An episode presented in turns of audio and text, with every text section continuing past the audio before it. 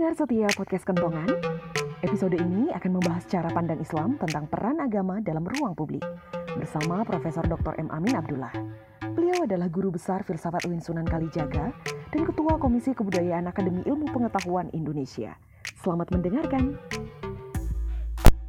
Saya akan memotret bagaimana pemikir-pemikir uh, Muslim Indonesia dan uh, di dalam mengembangkan nilai-nilai agama di ruang publik yang berpancasila itu, pengalaman mereka uh, selama ini seperti apa, uh, ya setelah 70 tahun lebih uh, merdeka. Dan poin keempat, ada apa, ada kegelisahan apa, begitu. Saya kira itu juga tantangan-tantangan kontemporer, rupanya juga terus bermunculan. Oke, okay, uh, saya kira uh, founding parents kita memang sudah sangat-sangat cerdas ya. Uh, bagaimana menyatukan pulau-pulau yang sekian banyak, sekian kemudian suku bangsa, lalu ada deklarasi apa, satu nusa, satu bangsa, satu bahasa, dan tidak menyebut satu agama. Nah, itu saya kira kecerdasan genuine local genius Indonesia dia tidak menyebut satu agama. Itu saya kira modal sosial, modal kultural, dan mungkin modal politik juga yang sangat penting.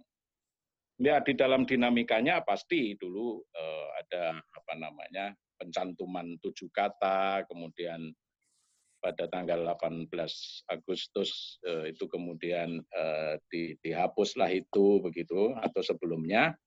Tetapi memang Eh, hebat ya, founding parents kita itu berpikir luas sekali, tidak sempit itu kata kuncinya. Karena memang bacaannya itu bagus ya, cross reference-nya saya lihat luar biasa. Nah, untuk itu eh, ya meskipun kita sudah berhasil mengantarkan Indonesia merdeka tahun 1945, tetapi pasca kemerdekaan kan kerikil-kerikil tajamnya kan selalu ada, bahkan mungkin juga dirasakan riak-riaknya sampai sekarang.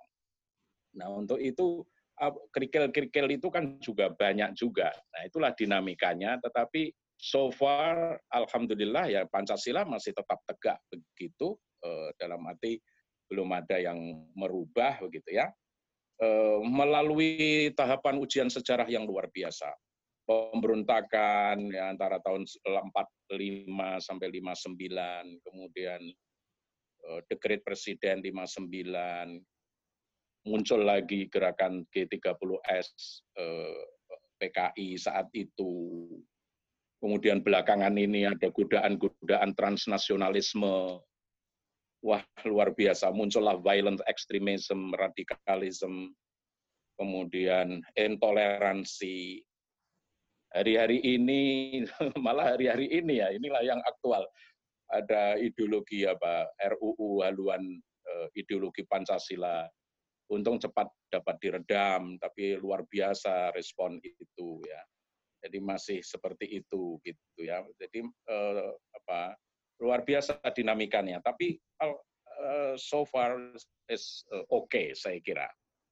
Nah apa sih agama dalam artian pemahaman di Indonesia agama itu artinya ketuhanan yang Maha Esa itu yang saya kira memang itu yang harus di, apa, didalami oleh generasi milenial dan kita semua. Ada dua kata kunci di situ sebetulnya, eh, yaitu ketuhanan yang eh, berkeadaban. Itu kata kuncinya itu. Ketuhanan yang berkeadaban itu satu. Yang kedua adalah ketuhanan yang tidak ada egoisme agama. Nah, ini memang perlu pemikiran tingkat tinggi seperti founding parents kita. Kalau pemikiran yang agak eh, eh, apa ya dengan berbagai kepentingan akan berbenturan dengan pemahaman semacam ini. Yang dimaksud dengan ketuhanan yang apa berkeadaban atau berkebudayaan itu kan sebetulnya eh, pemahaman ya, pemahaman manusia beragama. Eh, agama apa pun itu yang berbudi luhur sebetulnya eh, ketuhanan yang bisa menghormati eh, satu sama lain itu kata kuncinya itu. Nah maka dari situlah maka eh, apa ketuhanan yang maha esa di dalam apa namanya eh, Pancasila itu sebetulnya terkandung makna itu. uh, pidato Soekarno tentang monotheism itu kalau di Inggris kan uh, the Indonesian state is a state where every believer can worship God according to his own choice of religion. Jadi uh, di dalam negara Indonesia itu semua pengikut agama-agama bisa melaksanakan atau melakukan peribadatan sesuai uh, apa pilihannya masing-masing. The Indonesian people believe in God. Pasti semua manusia Indonesia uh, percaya kepada adanya Tuhan, tetapi in refined manner, di dalam cara yang lebih halus, gitu, uh, di dalam cara yang sudah diperbarui, that is without the egoism of any one religion. Jadi beragama di Indonesia itu uh, tidak boleh uh, menonjolkan egoisme apa namanya uh, agama masing-masing itu tidak bisa. Kalau menonjolkan itu ya berarti uh, apa namanya di ruang publiknya itu dia pasti akan bertentangan dengan uh, prinsip tadi ketuhanan yang berkeadaban dan ketuhanan yang uh, apa tidak mendahulukan egoisme itu. Nah, bagaimana upaya umat Islam? Kan ini perubahan nilai yang luar biasa ya, perubahan yang saya kira luar biasa itu. Karena dulunya kita tidak punya pengalaman nation state itu. Nation state itu ya adanya di Indonesia tahun 1945. Gitu.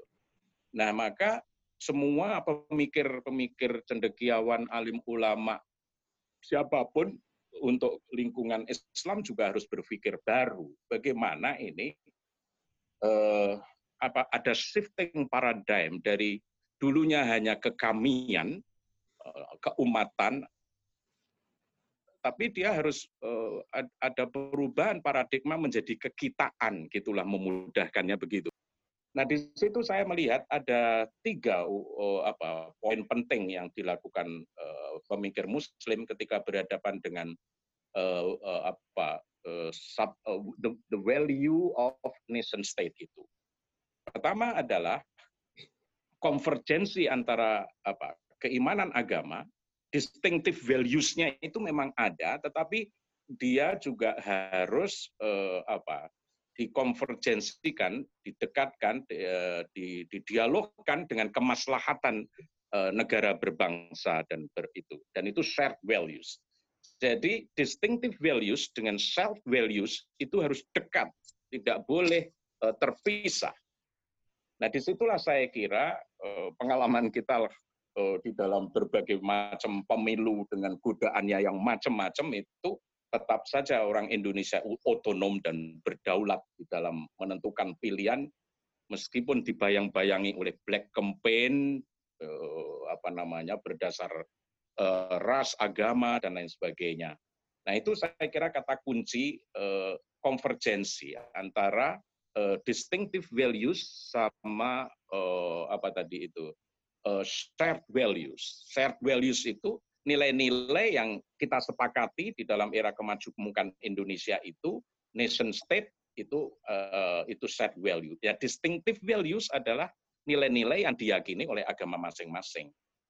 Yang kedua, demokrasi, pluralitas, dan inklusivitas itu bagaimanapun Eh, lalu ditransformasi menjadi teori maslahah kalau di dalam usul fikih itu. Teori maslahah menjadi public good gitu. Jadi saya kira semua uh, ingatan kolektif bangsa Indonesia itu adalah plurality from the early beginning.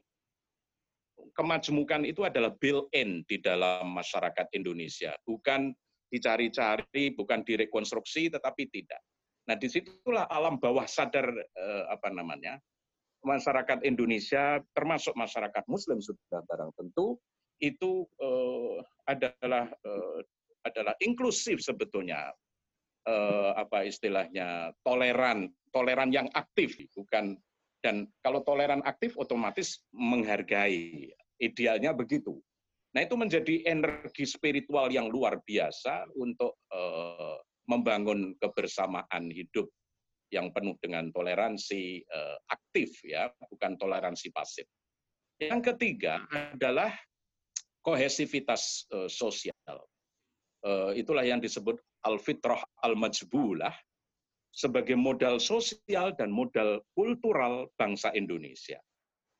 Nah, di situ saya kira solidaritas uh, keagamaan yang umumnya tadi distinctive values itu adalah coraknya agak sektarian, agak primordial, mungkin egoisme kelompok, itu sudah di, uh, di metamorfosis, sudah diubah menjadi solidaritas kemanusiaan dan solidaritas apa kebangsaan menjadi insaniah. Nah itu saya kira penting sekali tiga nilai itu. Oke, tiga itu sebetulnya uh, apa pemikir Muslim uh, Indonesia ketika menghadapi Eh, perubahan tata nilai dalam ruang publik itu yang di, dikedepankan oleh para pemikir-pemikir uh, cendekiawan dan ulama uh, di Muslim.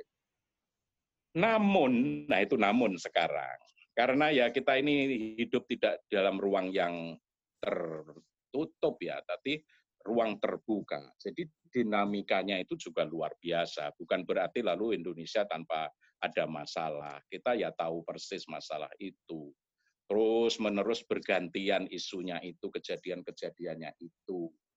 Entah namanya Ambon, entah namanya Poso, entah namanya peristiwa Surabaya kemarin, entah eh, peristiwa Banjarmasin yang belakangan itu. Nah itu mengapa? Maka kita memang literatur-literatur yang eh, mengkritisi praktek-praktek agama itu juga memang harus dibaca.